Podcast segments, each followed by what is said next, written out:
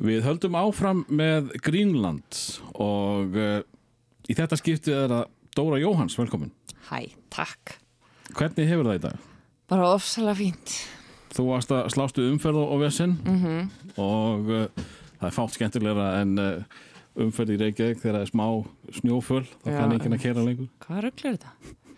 Ég var að koma úr háskólanum, Já, þar sem ég var að kenna. ætla að kenna? Nei, ég og Saga vorum fengnar í eitt tíma í þjóðfræði að tala um húmor. Já, og veist, hvernig gengur það fyrir sig? Hva, hvað gerir þið? Uh, þá bara segjum við allt, tölum um allt sem við vitum um grín. Sem kom bara í ljós að hana er bara alveg eitthvað sko. Segðu mér aðeins, hvað, hvað veist um grín? Sko ég er náttúrulega sprenglærði gríni. Ég hvernig, er þetta að læra grín? í skólum í bandaríkjunum þetta vita fáir. Þetta eru viðkendir grínskólar. Grínskólar? já, sem hafa verið starfræktir. Það er uh, eitt skóli sem ég var í New York uh, sem heitir Upright Citizens Brigade Mm. eða UCB sem var stopnaður af Amy Poehler og nokkrum fleirum fyrir 20 árum. Kennir spuna og sketsaskrif Ég get, ég get sko samþýtt að kenna spuna en, Mhm. en að læra grín eða það er náttúrulega tímasetningar eitthvað svo leiðis nei, þetta er bara heilmikil fræði, Dóti Já, heilmikil fræði á baku þetta. Og svo fór ég söma til Second City sem er hana skóli sem er búin að vera frá 1959 og leikús, mm. grín. Og þar bara stúdar maður grín í þaula og þarna hafa margir af flestum helstu grínistum bandaríkina lært sko þarna, þarna þykir sko grín vera fag en ekki bara eitthvað húllumhæ eins og hér. Já, grín er ekki merkilegt. Nei, Eh, segir eh, fagfólk, veit ég. Hvað fag, fagfólk? Eh, nú svona fólk í herri stigum hérna leikara stjættarinnar Já, Það þetta, þarf að reyna að reyngja nei, það. ég reyngi það ekkert. Nei. En ég meina, þú veist, gamla lið, hvað veit það? Nei, ég fengi marga sem að hérna, hafa líka verið að eh, vinna með eh, drama Mm að, að það sé bara hýjað á fólk sem bara dettur í Já. ert þú ekki einhver sprelli gósi? Já, einmitt. Uh, ég, ætla, ég er að reyna að berjast á móti þessu, sko. Lifta grína á herra plan. þú byrjar meira í drama eða ekki? Nei, Eh, Ég man eftir í, í hamrinum já, og var það eitthvað spes? Gekk það eitthvað vel? Mér varst það fínu þettir en þar man ég held ég fyrst eftir þér sko Já, já, já. Ég, sko, ég leik í farsa í mentaskóla og svo fór ég í leiklistskólan og flest leikrit sem ég leik í þjóðleikusinu og borgarleikusinu voru grín. Jáhá, Eftir hugleik og jóngnar og, og mig og leikhópin mörg leikrit sem við byggum til. þannig að þú, þú, þú varst svona meira left field Hanna að grína. Já, ég meina Jóngnar hugleikur, þetta er ekki Já, já, já. Þetta er right up my alley, sko. Já, Og, hana, og ég finn mig langmest í því. Mér finnst hana, drama ekkert svo spennandi, sko. En eh, þetta var svona sem í stóra tækifærið þitt er það ekki í, í hamrinum Um, þetta var svona stæsta sem ég hefði gert þanga til í sjónvarpi. Já, Já. og, og uh, það var ekkit til þess að, að svona kveikja á einhverjum, einhverjum drömum í þér Núl. Það var nú Það er leðilegt, ég veit ekki. Ég er svo mikið að loka á einhver atvinnutækifæri með að segja þetta. En hana, mér finnst ekki gaman að vera mæti vinnuna og vera eitthvað, leika eitthvað þung, þunglindan aðela allan daginn. Þú veist, þetta festist bara við mann og maður kemur heim bara í fílu, sko. Já, ok Ég, svo, þegar maður hefur tækifæri til þess að hlæja allan daginn í vinninu, þá kýs ég það, sko. Já, ég skal trúa því, ég skal trúa því. Uh, Mér langar aðeins meira um, um uh, þennan tíma sem að þú og Saga voruð að- kenna. Mm Uh, þetta er þá ekkert einhver kurs sem þú færði einhver engun fyrir, þetta er bara eitthvað svona var, auka... við, við komum bara í heimsókn í eitt tíma, sko. Mm. þar sem þau eru að fjalla um húmor í þjóðfræði Já, já, og þau eru eh, hana, já það er bara fullt hana, við húmor sem er mjög aðteklisvert sko. bæði þú veist hvað má gera grínað, hvenar uh, hó, hvernig hópar gera grín og hana, einstaklingar eins og uppistand versus höfundateimi eða spuna hópar þetta eru svona alls konar pælingar á baku þetta sko Og er, eru mörg tabu eftir í, í gríni? það er bara fullt af tabúum sko en uh, aðalega, þú veist eins og við tölum um það þá er bara svona hvað uh, hver ertu, hver er að segja grínið skiluru, mm. hann ert þú uh, forrættinda pjessi sem að ert að gera grín að þú veist einhverju minnumáttar það er bara erfitt að láta það virka sko. Mm. en, en það hlýtur að vera alltaf uh, í lægi að gera grína sjálfur sér? Alltaf í lægi að gera grína sjálfur sér já, sam, Sama hvaða föllun ég er með. Já, já, já.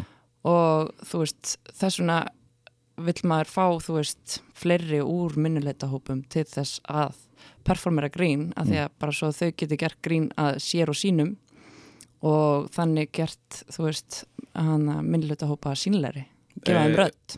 En opnar það fyrir aðra að eh, einhverju sem eru kannski minnluta hópur eh, gerir grín að sér? Já, það bara og líka gerir þá hópa sínleiri Já. Þannig að það er mjög mikilvægt. Eh, Mér langar að bara byrja á byrjuninni. Hva, hvað er svona fyrsta sem þú mannst eftir uh, þér í, í barnæsku? Barnæsku? Uh, í Svíþjóð, ég ólst upp þar? Til fjagra ára aldurs Aha. og ég man eftir að hafa verið að skauta á skóm á skautasvelli sagt, ekki í skautum og, og, og syngja eitthvað svona ég er að fara í skólan, ég er að fara í skólan ég, hana, ég var ekki í skóla þannig að þetta var eitthvað svona grín og, Strax byrjuð? Já, og gísla að fyndi og flög á hausinn og viðbeinsbrotnaði. Pönslína Já, þannig að það er ég held að svona fyrstu minningar séu oft tengdar eitthvað svona adrenalín sjokkum Já. það er eitthvað svona læknisfræðileg pælinga baka það. Já, ég held að það fyrsta sem ég mann var að dettur ennibröð Já. Það var sláðan, sko, en ég held ég ekki brotin eitt Nei, með mig Algjör hlýðan þig eh, og, til fjórar aldurs eh, mannst eitthvað eftir svíþjóð? Bara þetta og svo mann ég með svona rámar í eitthvað tíman pappi var að passa mig og, og ég fór bara út um hana meðanótt á okkur rólu. Já. og ég man ekki meir. Eh, Bergur Eppi var hann til eh, fimm ára aldurs eða eitthvað sliðis mm -hmm hún fannst alltaf geðvikt Ma manan? Já, hann man alveg rosa mikið mm. uh, alltaf sól, hann var bara allsberreil allan daginn, mm. svo kom hann heim bara í myrkur, snjó og, og drullu Aha, æma sér þú veist, ég bjó í bandaríkjunum núna uh, 2012-2016 með són minn sem var þá tveggja til sex ára mm. og hann sér í hitlingum sko, en þú veist man ekkert eftir að þetta var alveg það viðbjóðslega snjór sko í New York til dæmis, hann mann bara eftir sumrunu og eitthvað svona. Hvernig er það að vera einstað móðir í, í New York? Ég var ekki einstað þá. Já. þá var ég lukkulega gift. Þá varstu lukkulega gift. Þú kemur hingað heim uh, fjögur ára og hvert fyrir þá? Þannig að þá fyrir ég breiðholdið til tíu ára aldurs. Uh, Vini mínu sem eru breiðhildingar segja að ég megi ekki kalla mig breiðhilding af því að ég var þar ekki í gagfræðaskóla. Og hvað varst í breiðholdið? Í hólunum var, mér, mér fannst ég alveg alvöru sko, alvöru breyðildíkur Í Hólabrekkurskóla þá? Já, Já. Þannig margir eh, merkilega sem hafa verið þar Já, ekki Já. Eh, ég man ekkert nafnum að Gísli Martin núna Hvað segir þau? Nefn að Gísli Martin ég, Það er enginn sem ég þekkti þar sem að sem að hefur orðið neitt úr mm -hmm. Nei En, en hvernig var breyðaldið? Mér finnst það geggja mm. geggja bara þessar blokkir allar með leikherbyggi í kjallaranum Já, það var svolítið þá, já. já. Ég held sér minna núna. Já, og bara krakkar að rúast í einhver leikherbyggj út um allt. Algjör styrlun. Og, og, og hverju voru leikinnir? Eitthvað svona að láta einhvern annan fara úr fötunum og eitthvað. ég man bara eftir einhver svona ruggli, sko. Eða þú veist, saklaust, mm -hmm. en svona eftir að hyggja tæft. Já. já. Þannig að þetta var náttúrulega breyðholti, sko. Já, já. En, en þú, ert, þú ert ekki að reyna að búa til einhver, einhver, einhverja villingamindabreiðaltunni, eða það? Jú, smá. Er það? Það er svona í minningunni, Já. en það hefur náttúrulega allt breyst. Það ekki? Jú, það held ég. Það held ég. Til að vera PC myndi ég alltaf ekki segja hvað er hann í dag. En sko, hvernig voru, voru heimilis aðstæður? Var, var, hérna, þú hefur gaman að grína, var, var mikið grína á þínu heimili? Nei, ég myndi ekki segja það. En ég grínaði rosa mikið bara sem krakki alltaf Uh, ég man bara eftir mér í hlátuskasti bara stanslöst og ég man, mér fannst það skrítið að því mamma var úrslátt pyrruð á því. En núna tengi ég smá við það þegar sonum minn með vinnum sínum veist, það gera gott grín. Að gera gott grín Já. í bílnum eða eitthvað sem er bara núlfundið sko, auðvitað, að þetta er vannþróskað en hann og illa æft en hann en já, þá skilja hann smá betur, Já. Já. En uh, gengið þitt, hvað hva, hva voru þið að gera fyrir utan að, fara úr fötunum? hann ég man ekkert mikið hvað vorum að gera hann í bregðallinu reyndar. Uh, svo flutti ég nefnilega í Vesturbæinn þegar ég var tíu ára. Þar eru svona flesta minningarnar. Uh, Manstu eitthvað sko munin á skólanum? Hólbrekkurskóla og Grandaskóla og þannig. Nei, Uh, varst ekkert uh, vesen á þér sem krakki í skóla? Uh, bara, Varstu, varstu, bara aðalega að ég var að hlæja svo mikið að, þannig að þá var ég oft be, beðin um að fara út. Ekki til skólastjóra, bara Jú, nokkur sem til skólastjóra en það var hann að ég man mest eftir því, þú veist bara í MR í alvörunni. Þá var ég látum fara til skólastjóra. Fyrir, fyrir fíblaskap? Já, eða þá var ég bara oft búið að byggja mig um að fara fram. Þetta er hljóma farlega. Fyrir eitthvað svona að hlæja og mikið og svo var bara komið of mörg eitthvað svona fjárvistir eða eitthvað að ég var beðin um að fara til skólastjóra. Og hann baði mig um að vera utan skóla. En við ætlum ekki að hlaupa svo langt strax en uh, hérna, hvað sagður, grandaskóli? Já, það er Ég í vestum bara- Hef ekki hýrt á þetta minnst að þetta er það var frábær skóli sko. Já, bara lítill og hann að ég man mamma var að kenna þar sem forfallakennari fyrst og einu sinni var kennari minn veikur og hún kom að kenna okkur og ég sagði við alla krakkana þetta er mamma mín, þetta er mamma mín. Og ég var nýbyrju sko í skólanum. Og ég veit ekki hvað mamma var að pæla en þegar einhver krakki spurði hana er þú mamma henni Dóru? og þá sá hann nei. Þú veist ég var nýbyrjuð og málu upp sem einhver líkari, þetta var ræðilegt já þetta hefur ekki komið stert inn í, inn í gengið hún, hún, hún var eitthvað svona nýjútskriða hann að kennari líka og, og, og var bara eitthvað held ég að pæla í að, að vera ekki eitthvað að mismunna krökkunum sko ef þau myndu fatta að ég væri dóttir en ég veit, ég veit ekki hvað var að pæla uh, uh, Varstu sem sagt þá í Vesturbænum þangar til þú bara ferða heiman eða? Já. Já, eða þá fór ég, held ég áfram að vera í Vesturbænum ég bara verið þar, eða í útlöndum já. já. Uh, segð mér hans meira frá sko, þessum tíma uh, frá því þú ferð til uh, frá hérna breiðoltinu yfir í, í, í Vesturbæn mm -hmm. er náttúrulega allt öðruvísi byggð. Já, þá, aðri leikir, annað já, minna að glæða sig úr. Þá var rosa mikið af nýbyggingum.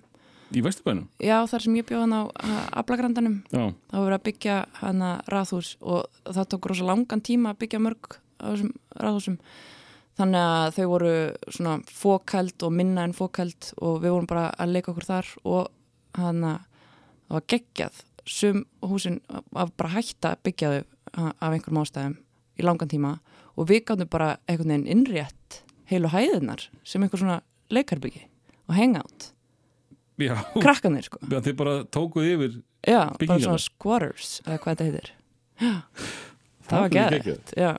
og það og þá voru svona lengi eins og fara á fötunum. Nei, ég man ekki eftir því.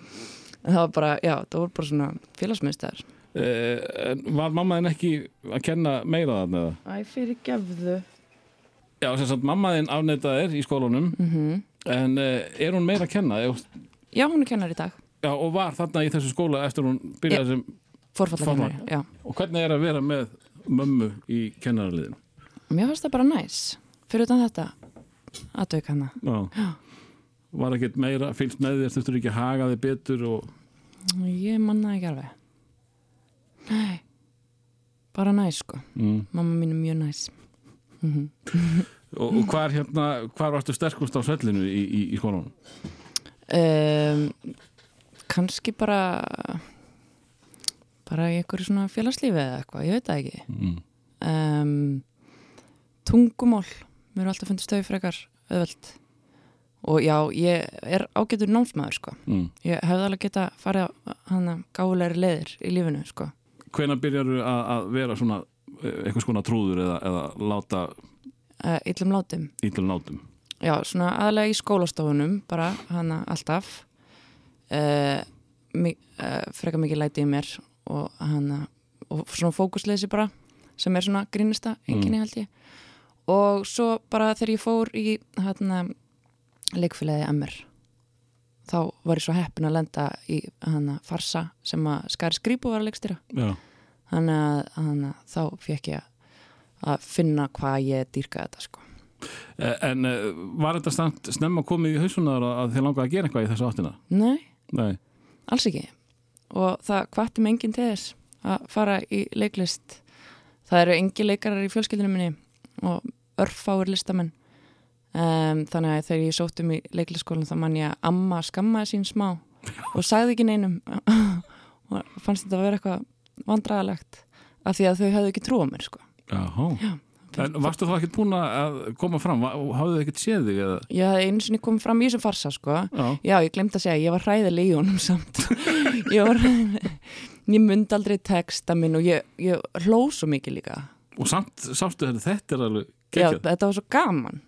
En ég, þú veist, gæti ekki klára að segja eina línu á þess að springa úr hlátri og þú veist, fannst það bara of gaman. En, en uh, þú, þú hleypur svo oft hérna, í MR, uh, manstu bara lítið eftir að- grunnskólanum? Ég, já, kannski, ég veit það ekki. Mm. Ég man ekkert mikið eftir, þú veist, einhverju svona sem var að gerast í tímum eða neitt. Nei, en, en uh, sko að því þú talar um félagslíf uh, var ekkert uh, hérna, sett upp einhvers konar leikrið á ásáttíð eða varst ekkert með inn einu svoleiðis við tókum þátt í skrekk Já. við vinkonunnar bara með einhverjum svona einhverjum frístæl dansi hann að alveg glata dæmi og unnum ekki mm.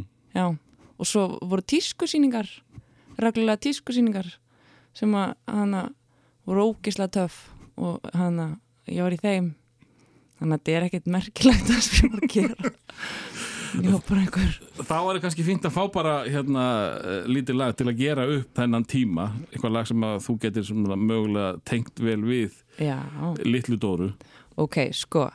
Ég hann að hlustaði mikið á rap þegar ég var sem krakki? Sem krakki. Og horfðu mikið á Simpsons. Og hann þau Simpsons platan kom út held ég 1990 eða Mm. eitthvað svo leiðis og ég dýrkaði þetta og vinkunum mínar Eva Björk Koper og Ragnar Kjartansdóttir eða Cell 7 eins og hún er þekkt uh, rapparanafni hennar. Við tókum eitt uh, lag af þessari plötu og hann mæmum það í fróstaskjóli, félagsmiðstöðinni. Og, hana, og það varð svo frækt að við vorum beðnir um að taka það aftur á ásáttíð Philips hana, Philips segja félagsins þú ert að grína núna. Nei. sló mig gegn. Tíu ára. Og þetta var fyrst skipti sem ég kom fram. Já, og já, þannig að en þetta eins og flest uh, svona fyrstu skipti sem ég fór svið að grína þá hljó, hló ég svo mikið sjálf sko að þarna þá kom einhver svona strópljós í frostaskjóli sem við vorum ekki un, búnar undir. Og það er svo fyndið að horfa á fólk reyfa sig í strópljósum og með eitthvað svona dans.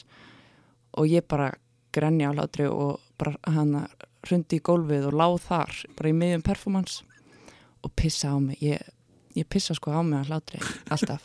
Þetta er hræðileg bölvun fyrir grínista sko.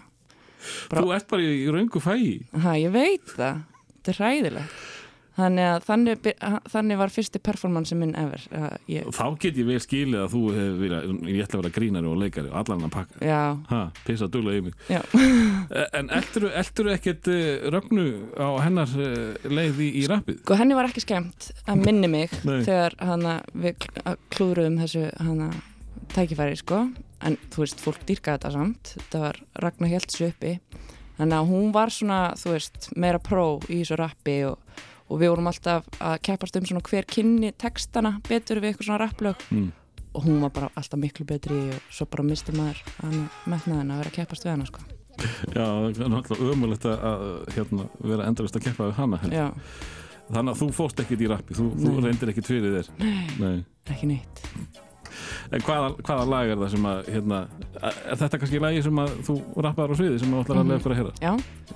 Do the Bartman með honum sjálfum bara. Með Yo, hey what's happening dude? I'm a guy with a rep for being rude terrorizing people wherever I go. It's not intentional just keeping the flow. Fixing test scores to get the best scores. Dropping banana peels all over the floor. I'm the kid that made the thing with C and art last name Simpson first name Bart. I'm here today to introduce the next phase the next step in the big Bart craze. I got a dance real easy to do. I learned it with no rhythm and so can you. in a row.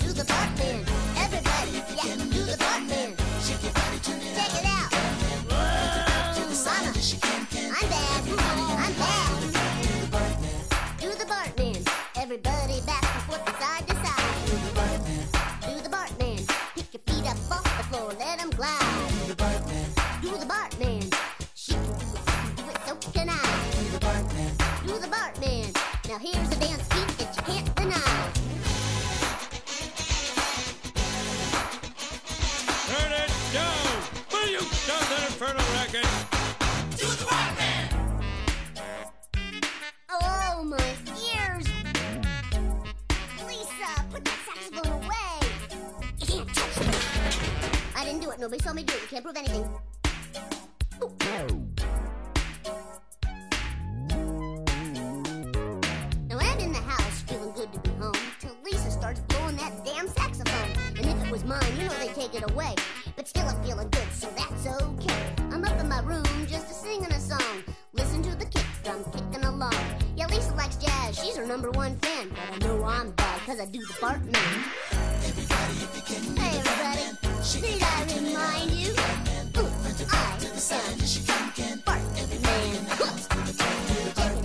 Do the Bartman. Everybody back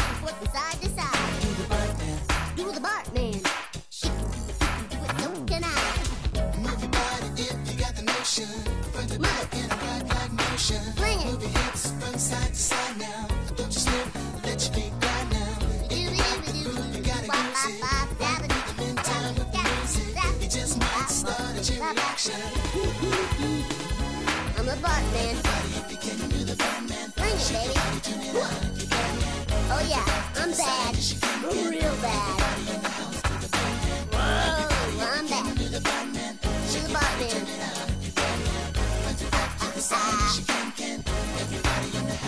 Oh yeah, you call that dancing? Watch this rhythm. yeah.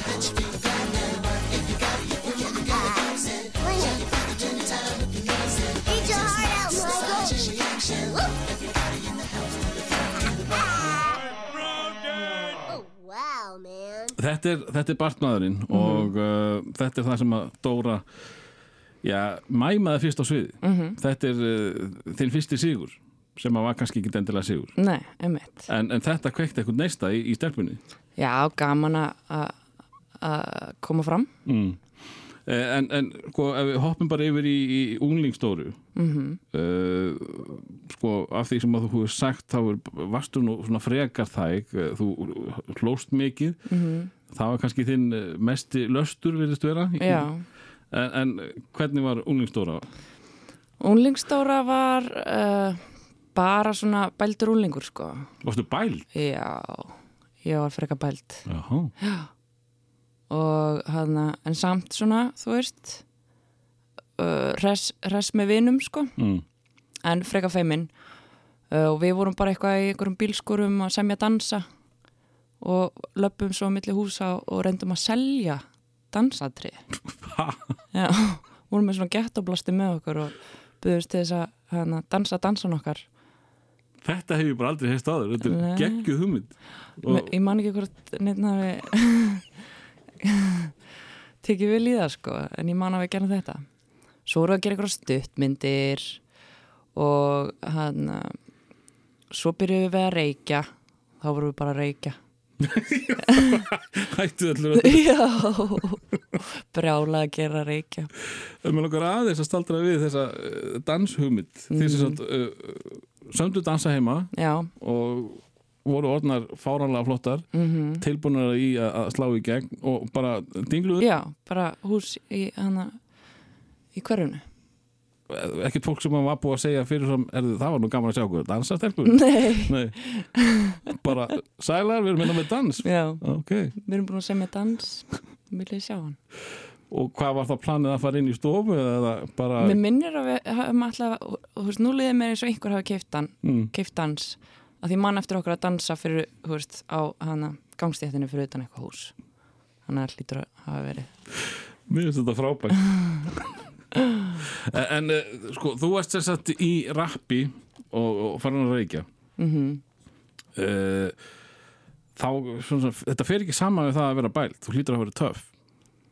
Mm, ég, ég varð sko, já, ég var mjög bælt svo varð ég mjög töff. Mm.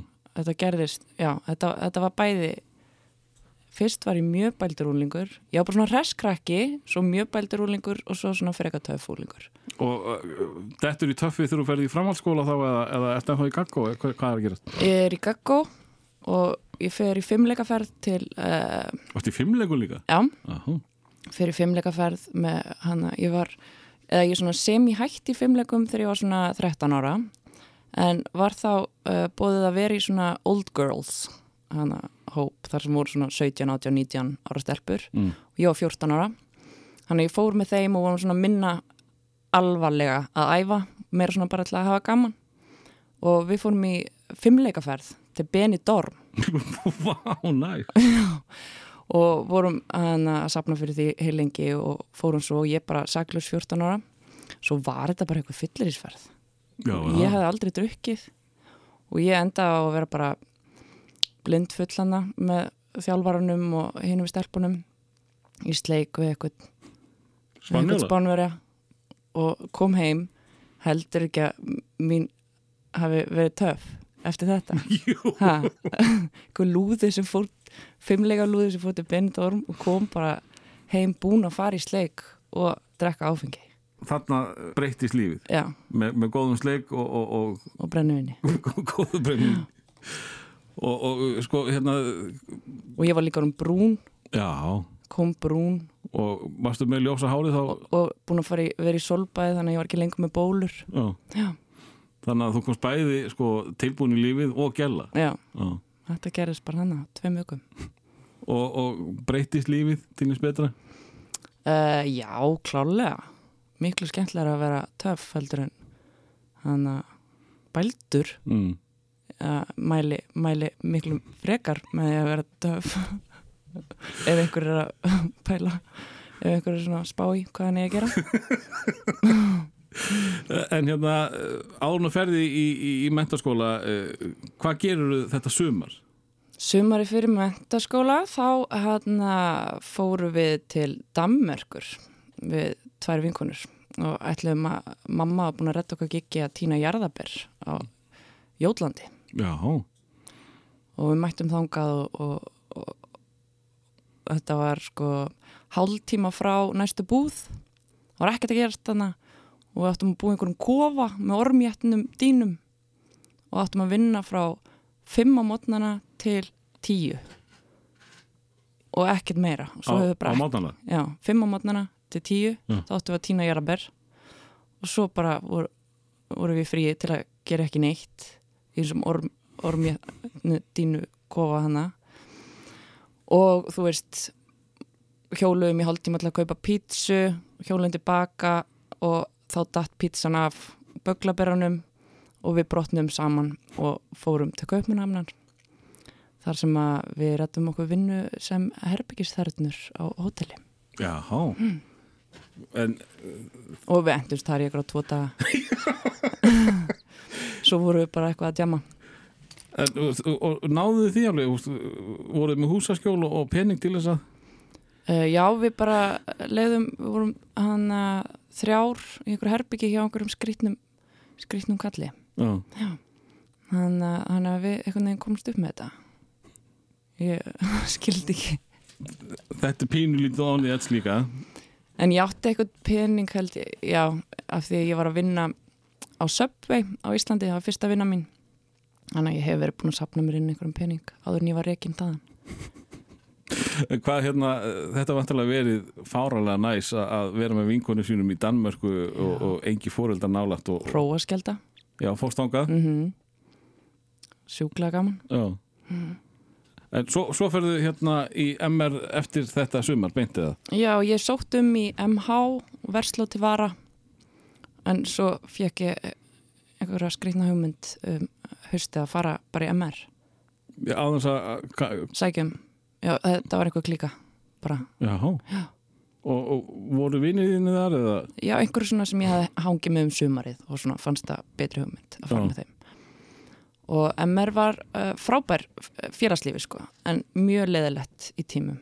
Ég hef skinnjað það að MR sé kannski ekki félags lífslegi legasti skóli landsins. Jú, það er bara ótrúlega skemmtilegt, það eru tvö nefndafélög og hann að mikið, mikið gaman. Og stærða ekki bara Morfis og eitthvað svona Herranót, Herranótt, já. Elsta leikfélag landsins. Það er nú heldur betur skemmtilegt og, og fórstu snemma í það? Uh, Já, uh, ég var í það mátti ekki vera á fyrsta ári. Svo fór ég í pröfur fyrir þegar ég mátti vera í pröfur og fekk ekki hlutverk. Og hann hata, hata mjög mikið leikstjórun sem að drafnast í drauminn minn. Ég ætla ekki að segja hvað það er en ég úskonum alls íls, nei. Nei, djók. Uh, ég hafði gott að, maður hefur svo gott að fá höfnun að venjast því í þessum bransa. Já. Þær, þær eru nokkrar alltaf Eh, er, er mikið um það í dag að þú sést að fara í einhverja pröfur er það ekki bara einhverjar Hollywood-sugur er ekki bara frekar pikka í því nennir að að gera það fyrir því þú færst ekki, færð ekki mikið borgan þetta verður mjög gaman Ég man ekki hvernig ég fór í pröfu. Jú, ég, ég, ég hef alveg nýlega að fara í pröfu. hérna heima? Já. ok, Um, já, fólk hefur ekki ennþá það mikla að trúa mér að, að sleppi mér við það. Eh, en uh, þarna í MR þá, þá allan að fer þessi draumur að vaksa í, í, í brjóstina þér Já, og ég hérna, var það bara herranóttin, var það eitthvað sem að kveikti uh, já, það var hérna, sem sagt, þrýr loksins fekk hlutverk hjá Skarskribu. Þá hérna voru við bara mikið að spinna uh, áður. mm. Benni Erlings var að kenna okkur spuna hana, fyrir áðurum byrjum að æfa og þá bara algjörlega styrlaðist ég, mér fannst það svo skemmtilegt. Og hana, og svo bara geggja að leika þetta. Og svo eftir það þá var ég svona semi-rekin úr skólanum uh, fyrir bara að mæta illa. Og hana, þannig ég mátti ekki taka þátt en Magnús Geir var að hana, leikstýra og hann leiði mér að vera aðstofleikstjóri, það var svona krókaleiðin mín. Af því að ef maður er utan skóla þá má maður ekki taka þátt í félagslífunu og þá var ég aðstofleikstjóri og þá fekk ég þá flugu í höfuð að verða leikstjóri sko. ég ætla aldrei að verða leikari. Já, já. Það, hann að dætt með það í hug og uh, sóttum í leikliskólan og skrifa á umsóknuna mér langar sko að vera leikstjóri. Og þá var ekki komin þessi sviðsöfundabraut þannig að það var ekki hægt það var engin staður fyrir til að menta sig til að verða leikstjóri. Þannig að ég sá þetta sem sniðut mm. sniðangrunn fyrir leikstjóra og hann að þegar ég komin í leikliskólan þá var ég þar svona bara svolítið á kantinum að fylgjast með og svona ekkert að reyna að vera eitthvað frábær leikari sko. Fyrr og máttu, máttu það alveg? Nei, svo var ég skömmu fyrir það og þá, þú veist, reyndi ég bara svona að fara all in og fá sem mest út af náminu og fór að fíla bara gett vel að leika, það er ekkert skemmtlæra já, þannig að þú fer bara svona hálpartin óvart inn í það að verða leikari. Já, eða svona, já, en, en samt er það leikarin sem að kveikir hennar neista að þið langi að gera þetta. Já en svo, hann að mér var skaman að performera en svo sá ég hvað það var miklu skemmtilega að leikstýra sko, að því ég er svona smá control-freak og finnst gaman að hana stjórna fólki. Þannig að uh, já, ég fór á þeim fórsendum í skólan fór svo var að leika bara að leika í sjö ár í leikusunum en svo, þú veist, klæja mig alltaf svo mikið í fingurna að leikstýra sko. Mm. og svo bara kom að þeim tímapunkti að ég bara, við fluttum til bandarækina og ég fór og læra spuna og fór svo bara að kenna það og fór að leikstýra í borgarleikusinu uh, fyrir á þessu ári og var hann að skrifa handrit fyrir áramótasköpið og eitthvað svona. Þannig að núna er ég svona meira að gera það sem að var svona pínu upprunalega planið ok, þannig að þú ert komin þangað sem þú ætlaðir að fara Já. Aha. en uh, heyrist þú öll að þú sett að reyna að skauta yfir þetta og þú ert bara komin í skaupið og þá, er nú lítið eftir Shit. en uh, hvers konar úlningur er, er Dóra? Uh, þú ert þess að komin úr, úr bældu Dóru yfir í töff Dóru Mhm. og uh, búin að fara hann og taka gott jam í, í Danmörku Mhm. Hver, hvernig ertu þú kemur heim? um, með dredda Já, já, ógisla töf og svo var ég bara meðfram mentaskóla að vinna þú veist á fullta kaffuhúsum og börum. Ég helst mjög illa í hana þjónustustörfum. Mm. samt reyndi ég endalist við það. Uh, en hana var bara oftast reikin eða þá ég rauk svona út af því að ég læti ekki tala svona við mig. Og hana, já þannig að það gekk svona mjög illa. En hana, já bara djammaði ógeðslega mikið sko. Mm.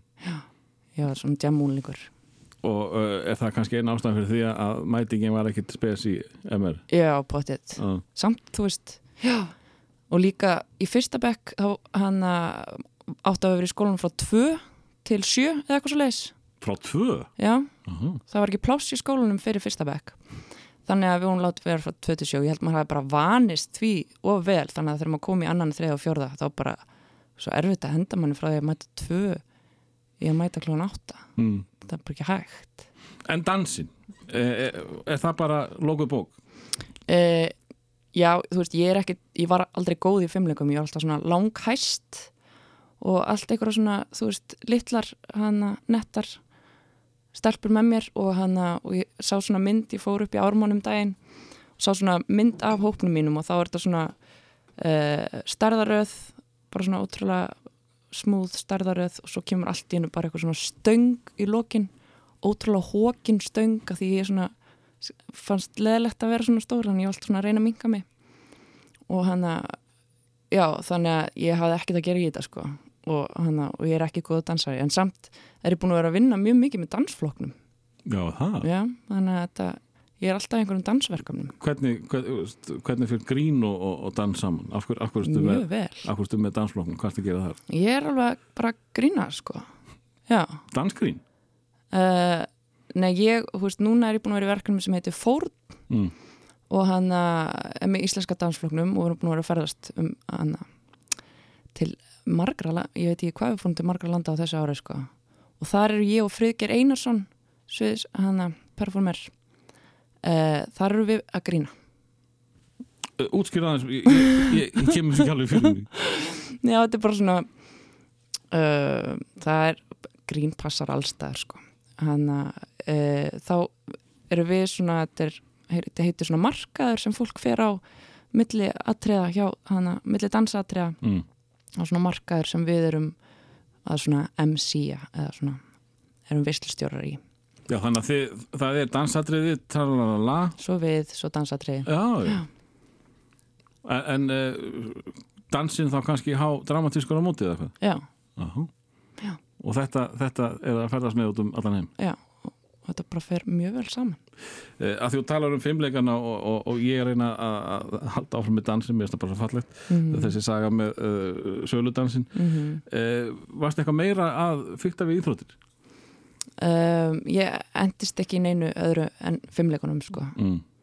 uh, ég er engin keppnismanniska En, en svona fjarlagsmanniska? já, mjög þannig að, já, þú veist já, svona keppni henda mér ekki Nei.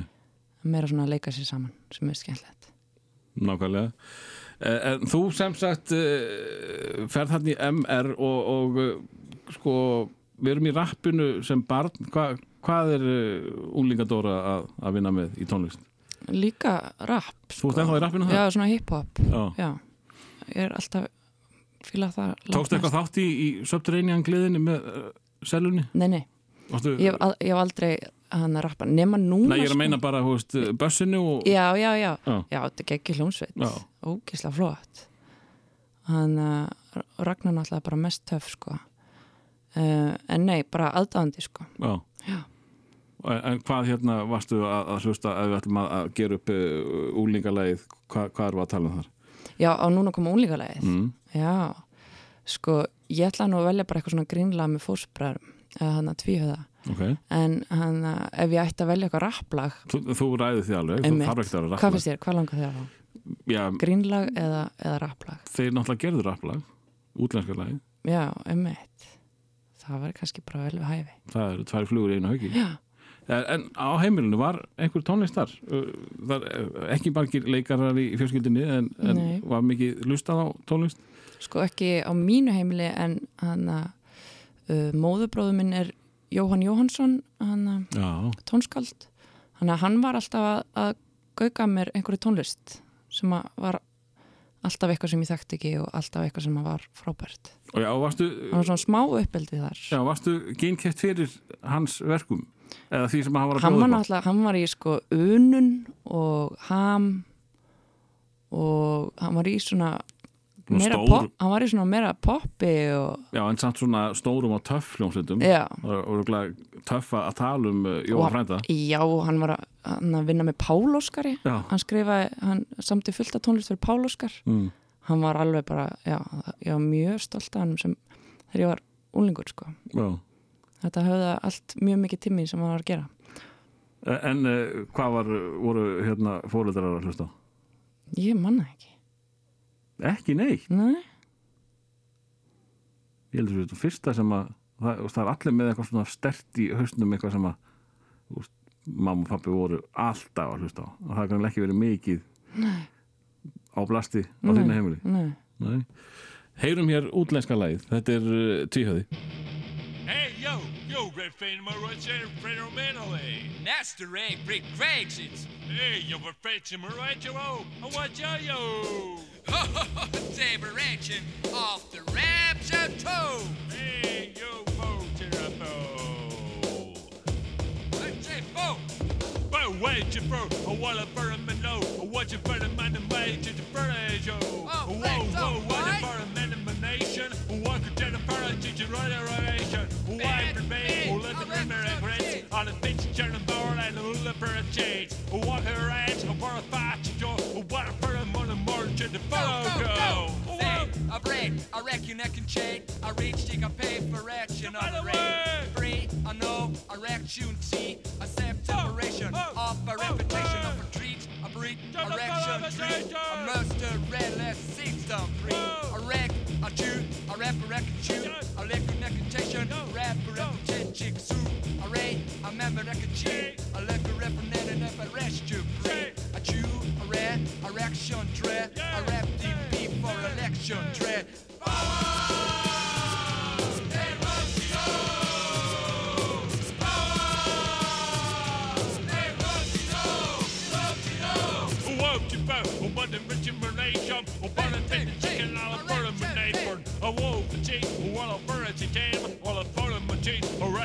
Whoa, Rail. Wow, wow, what find a wall of vision.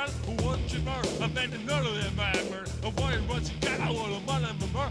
to show with that? What a lot of Trap, I reckon I can tap a repete. A reckon check a resurrection of trade. Sam, a reckon a rap a capitution. Simple rap perfection off a repetition. Pray, a roll, a reckon chapter two. A reckon she can fade to fall the rapper. Dat a reckon cheap foe, I now take a fake to rap.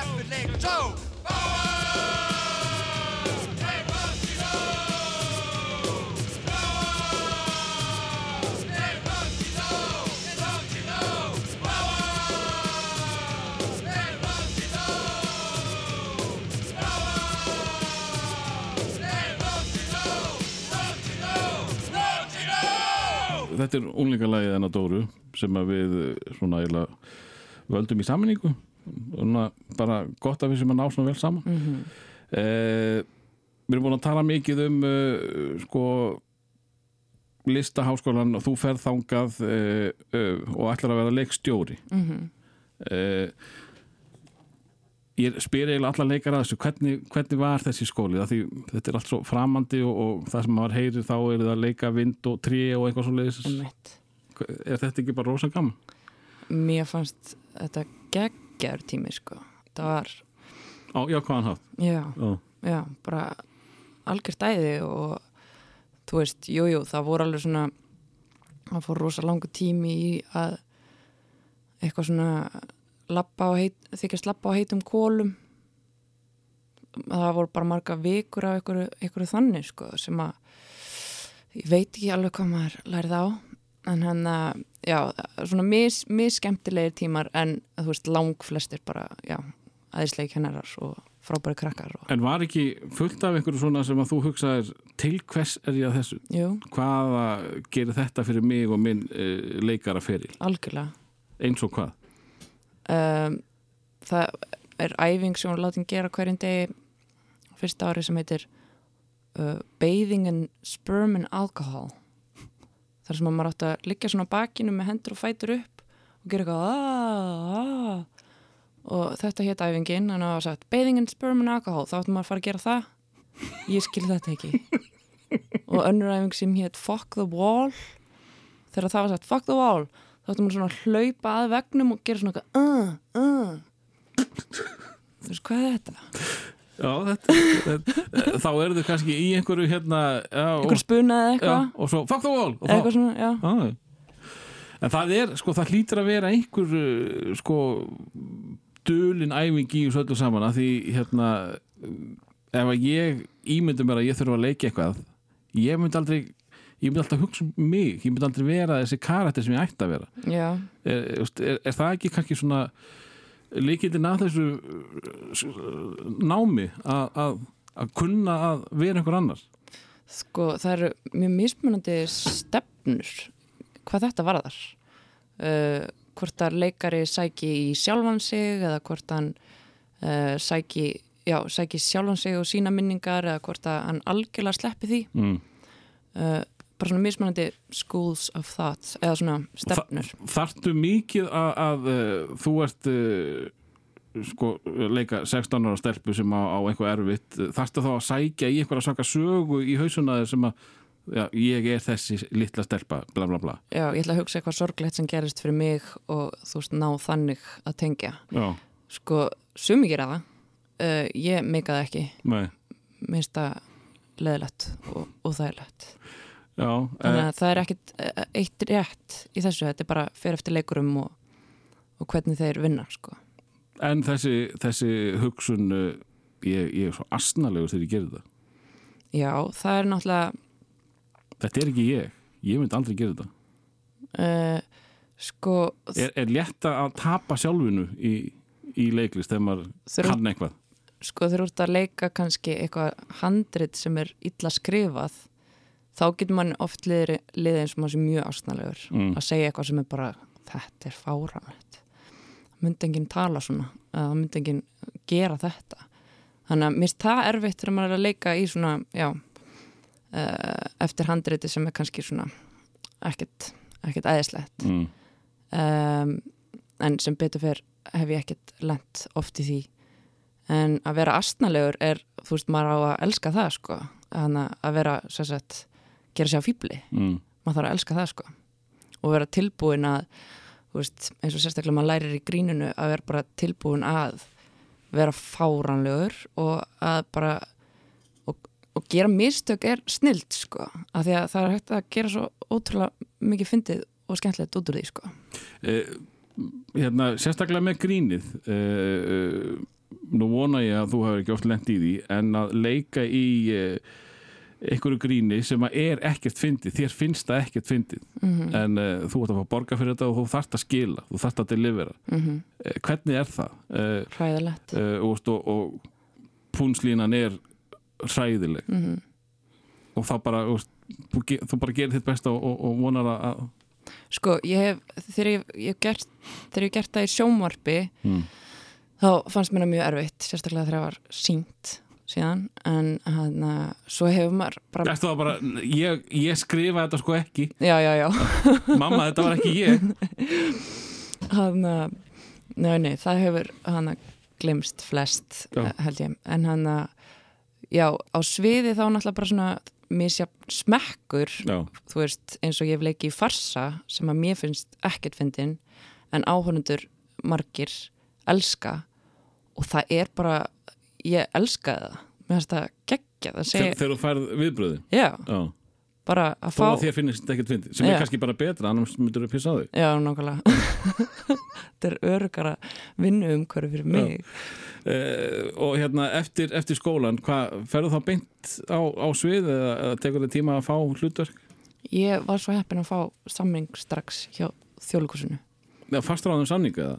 Uh, Það eru svona ársamningar sem að maður fær fyrst já, það er þannig þegar þú ert nýkomin Já, og, en er síðan hægt að uh, fá lengri uh, einhver, einhverja langtíma samninga? Ég, ég þekki þetta ekki. Nei, uh, já þú, getur fengið fast ráningu já, og getur líka fengið bara fleiri ársamninga já, en ég var þar held ég í þrjú ár og svo fór ég í borgarleikusið þannig að þú byrja bara strax þar, strax nóg að gera það. þú þarft ekki að fara uh, að leita að einhverju öðru uh, vera stressuð að fá ekki neitt að gera. Það er bara strax kvistmann búm Ég var mjög heppin mm.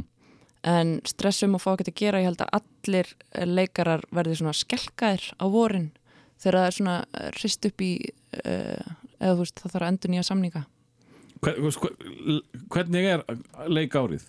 Það hefst í septemberið ekki Jú, en það er samið við leikara svona mars, april, mæ Já, uh, sem sagt uh, einu ári er lokið í þjóðleikusinu Mhm. því, því líkur hjá þér hvenar um uh, svona í júni Já, og, og uh, hvað er langur tíma þá þú veist að þú sért búin að fá endur nýjun eða, þú veist að annarkvort mars, april, mæ já, ok, áður en það er búið. Já, já, já. Þannig að þú varst aldrei í lausu lofti einhver tíma eða? Mm, ég held ég hafi farið bara beint úr þjóðleikusinu í borgarleikusið Já, Og, uh, Var það bóðið yfir eða sóttur um? Uh, hvort það var ekki búið en þá að bjóða mér eða þau ætluðu ekki að bjóða mér í þjóðleikusinu mm. Og ég slapp við að komast að því að því að ég fekk hlutverk í borgarleikusinu Þannig að þú hefur uh, þú hefur ekkert verið í neinu öðru uh, þessi ár eftir skóla en bara að leika uh, Nei, ég bara verið að leika Hvenær ferðu að fykta við annað en svið? um, Þegar ég flutti til bandaríkjana þá fór ég að læra spuna Ba hvað núna 2012? 2012, já. Þá fór ég að læra að spuna og Þá varstu bara búin að vera á svið? uh, já frá 2006 Já. þegar ég útskæðast Mm. og hann að fyrir að læra að spuna og fyrir að koma heim svona reglulega til að kenna það svo þegar ég flutti heim 2016 að þá var mér búið að leikstýra í borgarleikusinu Og hvað var það? um, það heit Ræman og var sínt núna fyrir ári akkurat og var það grín? Svona grín smá drama en aðalega grín. Og, og, og, var það svona King of the World uh, moment fyrir þig að vera loksins komin í þessar stöðu sem þú varst að leita eftir? já, það var algjör draumur sko. Ég dóur hamingi það var æðislegt. Og ég finn mig bara mjög vel hana í þessum stól. En já og þegar ég bjóði í New York þá kom Saga sem sagt Garðars að heimsækja vinkonu sína sem að bjó hjá okkur að við leiðum alltaf út tvö herbyggi, vorum svo fátæk Mm. að við þurftum að búa með einhverju hellingafólki alltaf og hann að hún kom að heimsækja vinkonu sína sem leiði hjá okkur og við höfum alltaf verið svona skottnar í hver annari sko. ég og sagði, vita af hver annari og verið svona eitthvað Ja, þið voruð ekkert vinkonur fyrir það? bara kunningjar Já. ég bauði henni í brúðköpum mitt sko, og hún mætti ekki þannig að við vorum ekkert það góða fingur hún let mikið einu svona vita Þarna, en hún er búin að segja fyrir ekki uh, já, þannig að við vorum kunningjar og svo komum þarna út og við einhvern veginn bara vissum það að við og einhvern veginn innsikluðum samningum að við myndum fara að vinna saman og þannig að þegar ég flutti heim þá bara settust við strax niður og byrjuðum að skrifa Og þá beinti ég einhvað grínið það ekki? Jú, byrjum að skrifa sjónvastætti sem við fengum eh, eitthvað smá styrk fyrir og, en svo bara byrjuði að rúla hana inn tilbúð þegar hana bara fljótlega þannig að við höfum ekkert haft tíma til að uh, klára þá serju Já, ok, það er bara ennþá eitthvað án í skuffi hjá okkur. Já, Já. það- hana vorum bara komnar frekar stutt með þetta sko en hana, já, ég veit ekkert hvort að við förum aftur í það, hvort að hún sé orðin dated svo hugmynd Mm. En já, svo fórum við bara að fá tilbúð um að gera önnu verkefni þannig að já, það við í skúfu. Eh, hérna, förum aðeins hérna, til bandaríkjana. Hvað, þú ert þarna í fjögur ár. Mhm. Það er svolítið langur tími. Já, Eh, og ert í skólanum allan tíman. sko þessi skóli bara byggður upp þannig að þetta eru námskeið bara svona uh, hvað segir maður, áttasunum þryggja tíma námskeið sem er dreiftið svona mánuð þannig að ég var heimavinnandi uh, fyrsta árið þannig ég var bara að fara svona einu sinni í viku og svo byrjaði maður að bæta á sig og fer í svona æfingahópa og endaði með því að ég var alveg svona fimm sinni í viku. En samt bara þrjá tími senn sem hendaði mig mjög vel að því að ég var með bann mm. sem að hana, já, skólakerfið er mjög spesan úti.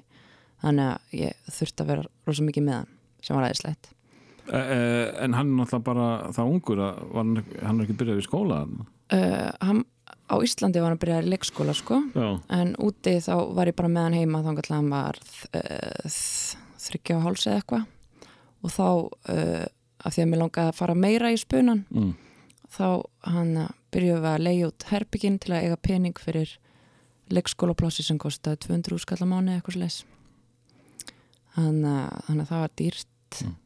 en eh, já og svo unnum við í lottói árið eftir. eh, til að komast í fjagra ára bekk þannig að þá gæti ég haldið áfram í spurnunum og svo er ókipis skólaganga í svona public skólum sem eru þykja margir ekki góðir Mm. Hvernig, hvernig var hann? Hvernig var hann að vera hann? E, veist, þetta, er, þetta er New York og, og, og, þú ert náttúrulega bara e, íbúið, þú ert ekkert gestur Já, það er margt frábært og margt ekki svo gott sko. Hva, Hvað er frábært og hvað er minna frábært? Uh, Það er náttúrulega bara frábært hvað er fjölbreytt, hvað þetta er fjölbreytt samfélag, það er bara fólk allstaðar frá og bara maður er að kynnast alls konar fólki og ótrúlega mikið að hæfileika fólki, fólk flýtur ekki til New York til að slappa af sko, þú veist, þú ferðangað því að þú ert með drauma og markmið sko Mm. þannig að þetta er svona mikið af drífandi fólki sem er að gera spennandi hluti og náttúrulega grín hann að senan er störluð sko hvort sem það er uppistand eða, eða spunni og nóg að gera alltaf og já, þannig að það er bara það var algjör luxus en hann að svo er þetta bara svo dýrt og mikil stjættaskipting og Já, og rugglað náttúrulega bara að vera með batnana með skólakerfi og tryggingar og þú veist, allt það er bara þú veist þvílíkur hausverkur sko E, þú sem Íslendingur úti, var, var það eitthvað töff? mm, já, já, Mm. það var alveg fólki finnst það alltaf held ég eitthvað E, þú minnast á uppistand, e, reyndur það eitthvað? nei, Nei. Hefur ekkert gert það, bara hérna heima heldur það? nei, þetta eru sko tvær ólíkar manngerðir sem veljast í uppistand og spuna Já. Já. Segðu mig þá aðeins frá þessari ástöðinu á, á spununum sem að uh, sko vakna frekar snemma. mm Hva, hvað, er, hvað er svona merkilegt við þetta?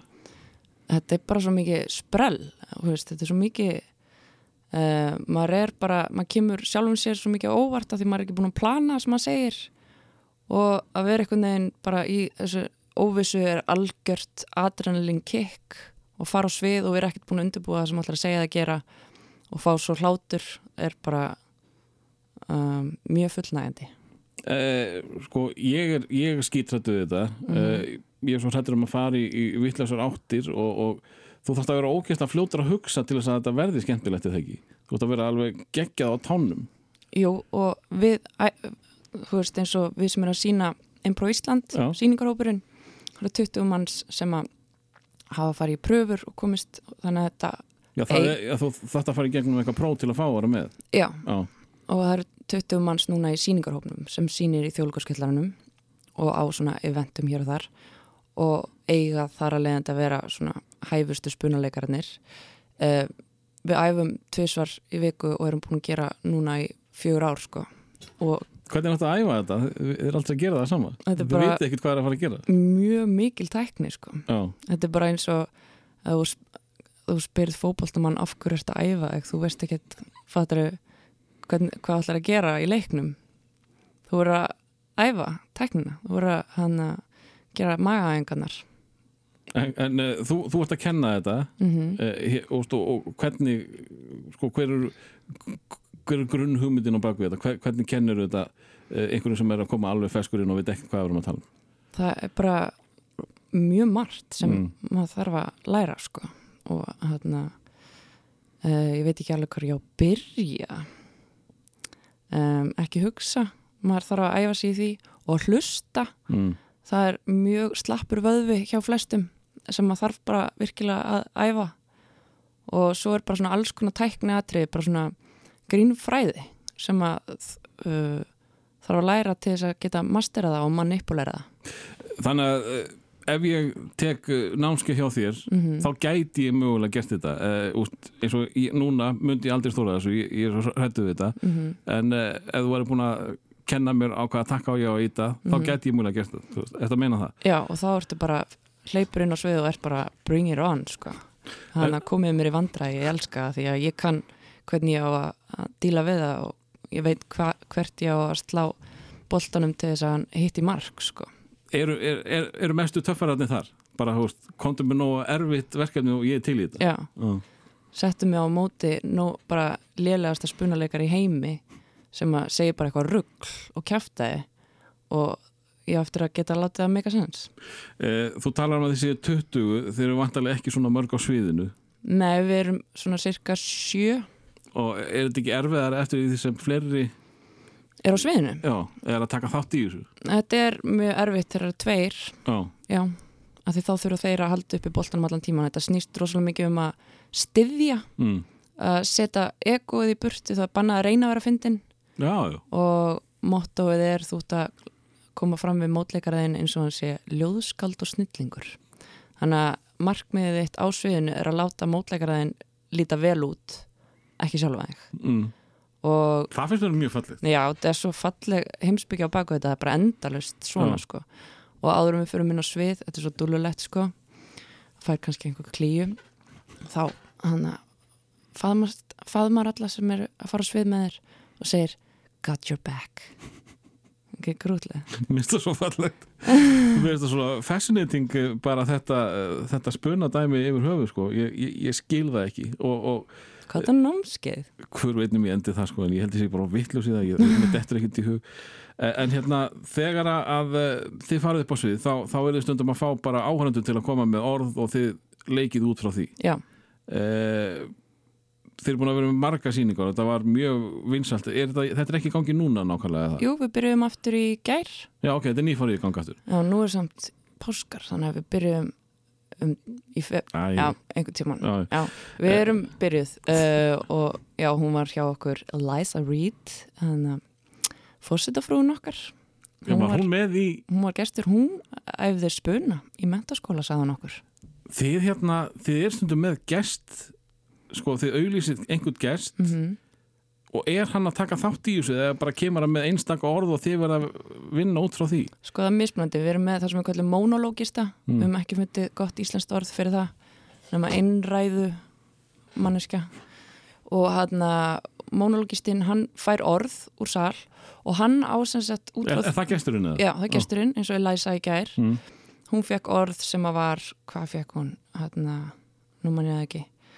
Kaktus, orðið hennar var kaktus. Og út frá því, algjörlega óundubúið á gersturinn að segja sanna sögu lífinu sinu, sem þarf ekki að vera fyndin en er það oftast, af því að þetta er allt eh, við erum búin að vera svo heppin að fá svo skemmtilegt fólk og segja sanna, sanna sögu lífinu sinu og út frá þeirri sögu þá spinnum við.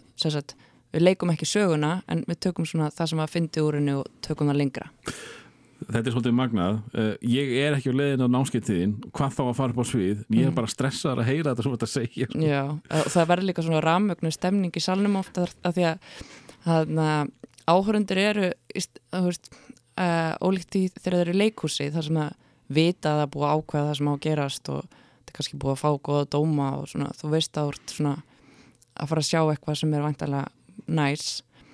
Uh, að spuna, þá eru áhörundunir jafn stressaðir yfir þetta verði bara svona hvað, hvað ætlaðu að segja bara, og svo gerist eitthvað rugl bara hvernig ætlaðu að hvernig ætlaðu að leysa úr þessu? Og þannig að það verður mjög rafmögnu stemning af því að þau eru einhvern veginn með okkur í þessu.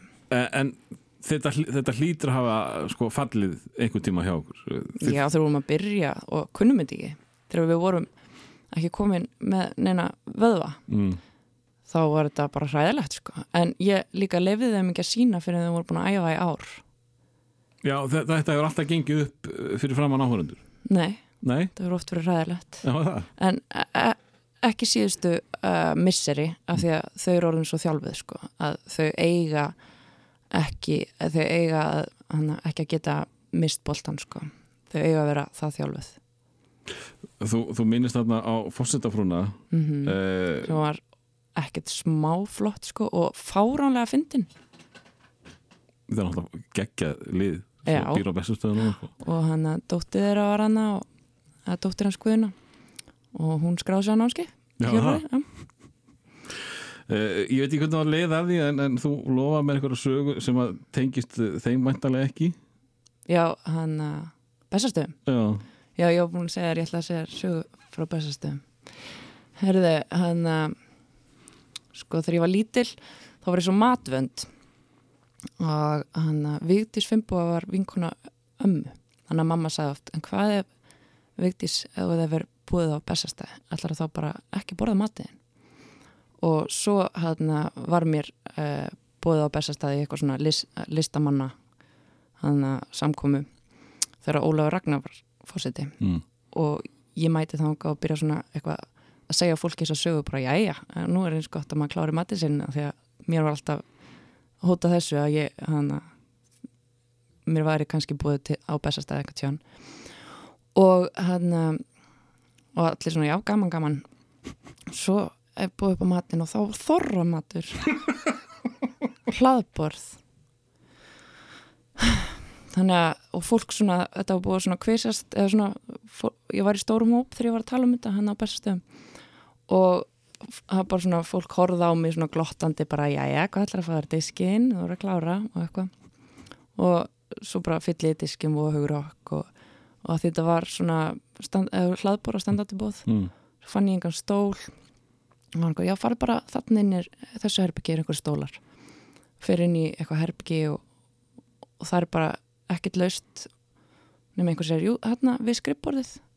Og það fyrir þangað sest niður og sé bara eitthvað neginn þetta er svona glerplata á skrifborðinu og sé að það er bref undir þetta á Jóni Sigur sinni og ég sett þorramatinn ofan á hann og fatta að ég sitt í, á, á skrifborði fórsetans og klára allan matinn minn. Þetta er fallegt. En Þetta var svona freka vilt, vilt partí að á óvart hvað hana hvað það var mikil stemning á Já. bestastöðum ég, hana, já, það kom mér á óvart. Uh, en hérna uh, við erum búin að taka hans fyrir spuna sem er þitt líf og endi það ekki? Uh, en, en þú hefur svona æ meira unnið í, í sjónvarpi. Já, hana á síðasta ári allavega þá er ég búin að færa mig svolítið í sjónvarp með henni sögu vinkunum minni. Mm. af því að draumurinn okkar var að skrifa fyrir sjónvarp og gera sjónvarp þannig að við erum bara búin að vera mjög hefnar að fá tækifæri til þess og, hana, og, og hvað, hvað hafi verið að gera fyrir utan skaupi sem að uh, náttúrulega var uh, fekk alveg fáralega góða dóma? Ég man bara eftir því að, að svona, svona há prósent að hafa verið ánað með skaupið.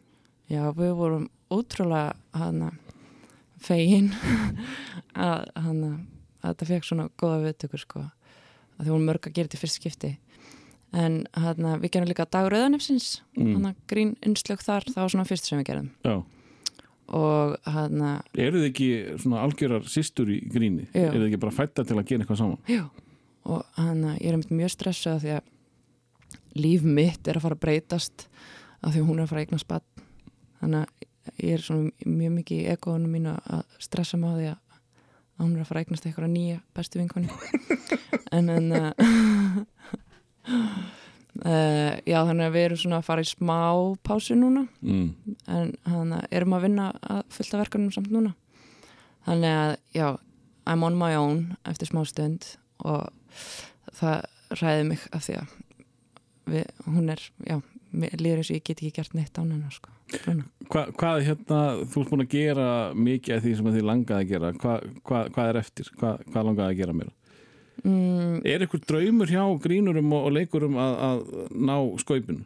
Já, mér er búið að dreyma í mörg ár sko. Af hverju, um, þetta er bara er þetta einhver status í, í lífinu? Ég gerir skaupið 70% sáttir. Ha, hvað, nei, Hvað ekki, ekki það, heldur bara sjátt allir. Já, þú veist, þú vilt náttúrulega þú veist, að sem flestir sjái það sem þú ert að gera þegar þú ert að gera grín. Og bara ótrúlega spennandi að, að einhvern veginn fást við samtíman og samfélagið og hann að þú veist pældi ég að skrifa skets um fórsetin og fórsetin horfir á hann. Þetta er svo styrla dæmi sko.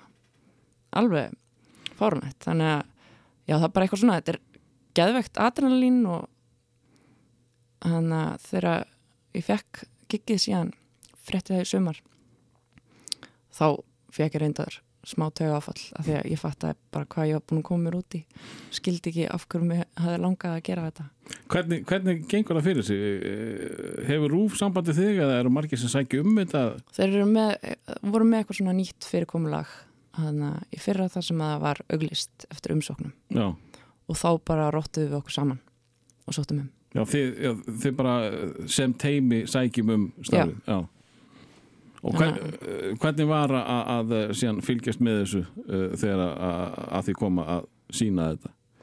þannig að, horfa á skaupið þegar hann á gamlastag Já, með þínu fólki. Þú var vantilega búin að sjá þetta þegar við erum að klippa þetta. Jú, jú, við alveg sátum svolítið yfir klippinu þannig að maður svona vissi við hverju var að búast og hann Og, vissur þá að þetta, var gott eða hafður ekki hugmynd? ég vissi að ég var sátt við þetta Já, já, en, en fólki í kringu þið voru allir mjög sáttir. uh, eftir þetta? Það er að meina í, í vinnuteiminu. um, þau sáu þetta ekki öll en leikstjórum var sáttur og ég var sátt og Saga var sátt og svona viku fyrir þetta þá samt þú veist, hringdust við Saga og vorum bara eitthvað heyrðu, ég var allt í henni að hugsa ég, ég held að þetta sé glata en það er bara svona partur af svona the creative process Mm að lenda á þeim stað alltaf. Þannig að annað er bara óeðlegt þannig að það komið nokkrir þannig dagar kringum jól. En, hann, en svo var ég alveg komið svona ágætt sjálfströst svona samdægur Allan gamlastag, varstu, varstu góð þá? Kom, ein, kom tíminn ekkert- leið ekki sko. Nei, þetta var bara eins og ég væri sex ára það væri aðfangadagur. Tíminn leið ekki og svo ákvað ég svona að fá mér ekkert í glas sko að ég vildi ekki vera eitthvað hana, ég vil, mér langa mun eftir þessu og vera hress. En hann fekk mér bara eitthvað svona tvo bjóra svo þegar þetta var búið þá held ég ekki jafnvæg sko. Það var eins og ég væri bara sót ölfuð sko. En hann ég frétti frá fleirum sem voru í skaupinu að þeir hefur lendið í sama. Þannig að þetta bara er bara eitthvað- spennufall. Já, já. En, en sko, hverju voru, hverju voru með, hverju voru kringuði? uh, Arnór leikstjórin hann held partí, Já, mat, matabúa partí. Hann er að þetta var svona mestmagnis hans vinnir en Mm. ég var þarna, já, með einhverjum vinnum og kersta á eitthvað. Þannig að og, og, þetta fólk er vantilega tekið vel í bæði náttúrulega ykkar fólk og, og svo var þetta gott í ofanálag. Já, þú veist, maður vissi það, það náttúrulega að þetta var uh, stuðningsríkt uh, fólk sem var með okkur. En ég blessunlega týndi símanum mínum þannig að í þessu jafnvægis, jafnvægisleysi og hann að þannig að ég komst ekkert á samfélagsmiðla fyrir en bara seint daginn eftir. Nú, þannig að ég, ég gætt bara skemmt mér Það er frábært, Mhm. en, en e, sko, þarna þarf að skrifa um svo mikið. Það, það er ein kannski frekar stór frétt í hverju viku á, Mhm. á, á, á landinu. Hvernig hvernig er að þurfa að skrifa? Og, og sko það eru margir sem að í kringu þú gerir eitthvað á þessu. Já, já, var ekki mikið um það allt árið?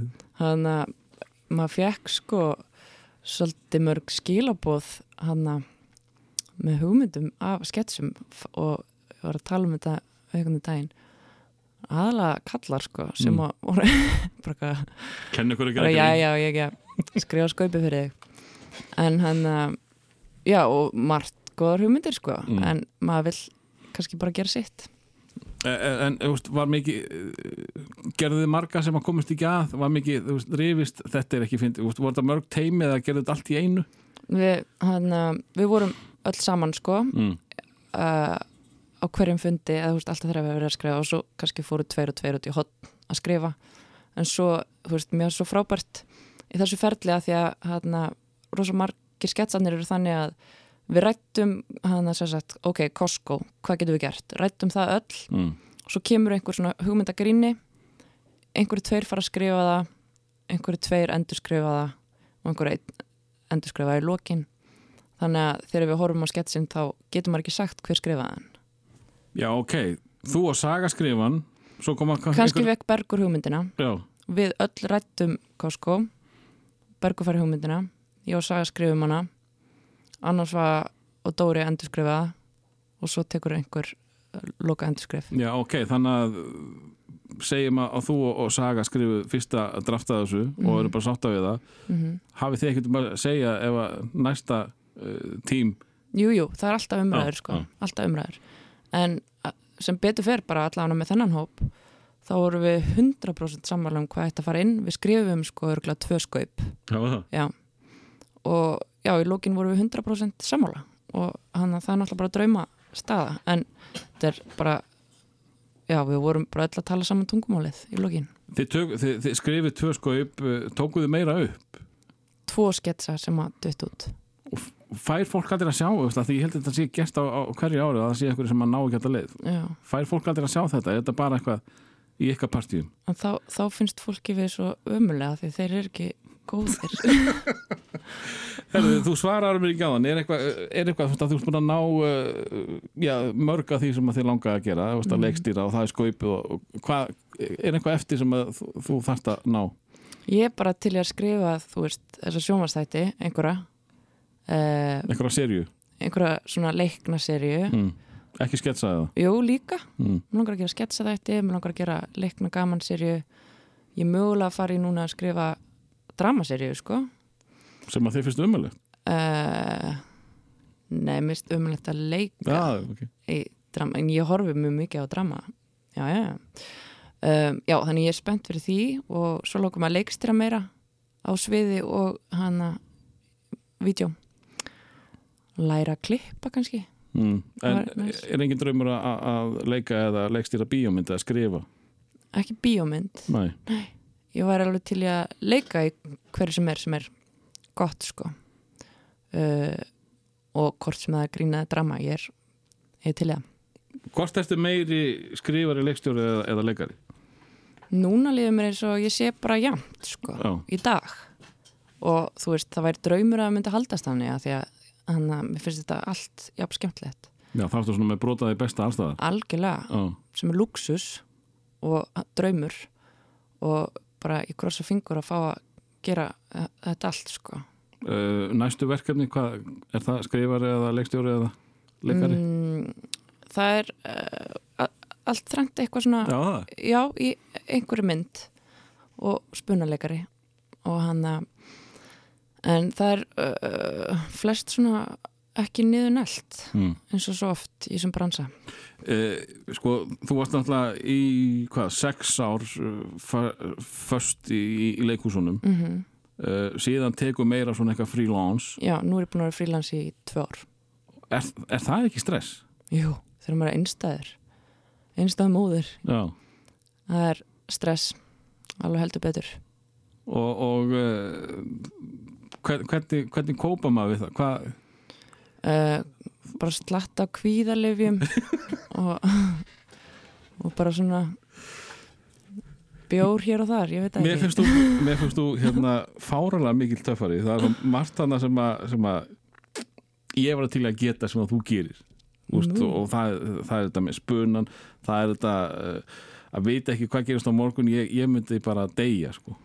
Ég veit það, en það er eitt af þessu fallega sem er kent í spunanum. Þá er sagt sko ég held að Bill Murray hafa sagt þetta hann var spunuleikari þannig að þú verður að vera tilbúin að fara svið og deyja. Þú verður að vera tilbúin að þú veist að því að þetta snýst svo mikið um óttan við að deyja. Að þú fer á svið bara ok, hvað ég gerum að fíbli, allir hata mig allir hægt að tala um mig, fæ aldrei vinnu við neitt sem ég langar að gera þá hef ég ekki pening til að borða og þá mun ég deyja þú veist, þetta er svona hana, instinctively er þetta óttin við að deyja þegar þú þorur ekki að gera hluti mm. þannig að þessi heimsbyggi einhvern veginn að reyna að vera ekki hrættur við að deyja á endanum þú veist, ég er ekki að segja ég sé búin að ná að mastera þetta en ég er svona, ég er að reyna að vera ekki hrætt við að deyja við að deyja Já. Uh, þetta væri náttúrulega frábær loka orð en uh, ef það er einhvað einhver saga eða eitthvað sem þú vilt segja okkur í lokin þá, þá bara endilega. Annars er þetta búið að vera fáranlega skemmtilegt. Ef það er einhver saga þá er það Saga Garðarsdóttir besta vinkona mín sem ég elska. Þannig að langar bara að, að vera með shout out til hennar og, og takk fyrir að komin í líf mitt saga. Og þegar þetta er spila þá er þetta móðir. Oh my god. Takk fyrir að koma inn í líf mitt, Dóra